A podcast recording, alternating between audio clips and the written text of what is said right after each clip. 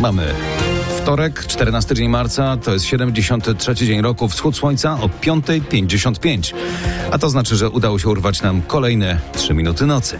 W porannych faktach RMFFM zwycięska Iga Świątek na Indian Wells, ale zaczynamy od sześciorga nastolatków, którzy znęcali się nad rówieśnikiem.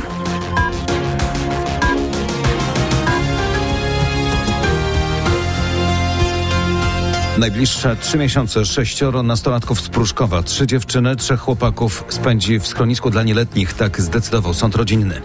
Przypominam, to oni pobili i poniżali czternastolatka. Bili, kopali, gasili na nim papierosy, zmuszali do całowania po rękach. Całe zajście nagrali telefonem komórkowym.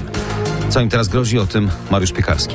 Docelowo umieszczenie w zakładzie poprawczym to najbardziej dotkliwa kara, która wynika z ustawy o resocjalizacji młodzieży, bo z racji wieku nie mogą być sądzeni na podstawie kodeksu karnego.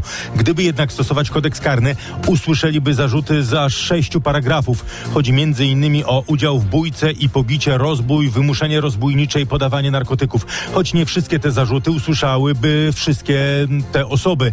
Na razie cała szóstka trafi do schroniska dla nieletnich, a sąd będzie prowadził postępowanie postępowanie, oceniał ich zachowanie i badał materiały policji. Na razie dotyczące dwóch zdarzeń. Jedno dotyczy czterech osób, drugie sześciorga wszystkich napastników. Policja ma jednak już nagrania z innych zdarzeń, jak ustaliłem, kilku i są nie mniej brutalne i wstrząsające. Usłyszałem w policji. Warszawa, Mariusz Piekarski. Jesteśmy na szczycie zimowo-wiosennych zakażeń koronawirusem. Tak przekonywał wiceminister zdrowia Waldemar Kraska w czasie wczorajszej debaty RMFFM na temat pandemii. Obecnie w Polsce dziennie potwierdza się średnio ponad 3,5 tysiąca zakażeń koronawirusem. Nasz reporter Michał Dobrołowicz pytał wiceministra o prognozy na najbliższe tygodnie. Co mówią Państwa prognozy, Państwa modele? W tej chwili właściwie chyba jesteśmy na szczycie tego wzrostu zakażeń i przewidujemy na około 3000 dziennie nowych przypadków.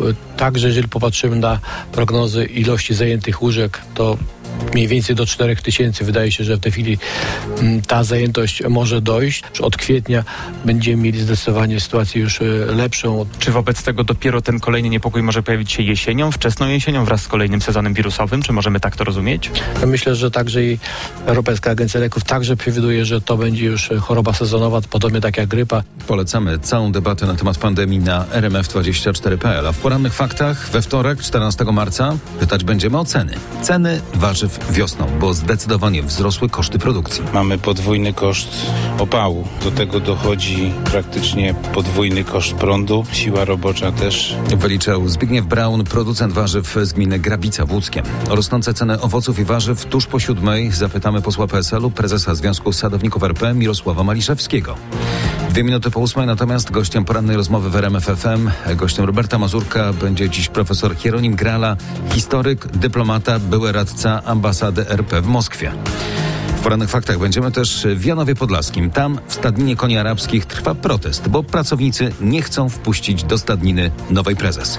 Będą też oczywiście najnowsze informacje ze świata sportu. Jak słyszeliście w faktach o piątej, Iga Świątek znów zwycięska. Głośne Come On pokonała po trwającym ponad dwie godziny meczu Kanadyjkę Bianca Andreescu 6-3, 7-6, 7-1. Jej kolejną rywalką będzie Brytyjka Emma Raducanu, z którą to zagra w jednej ósmej finału turnieju WTA 1000 na twardych kortach w Indian Wells. O poranku zapraszam na fakty. Radio, muzyka, fakty.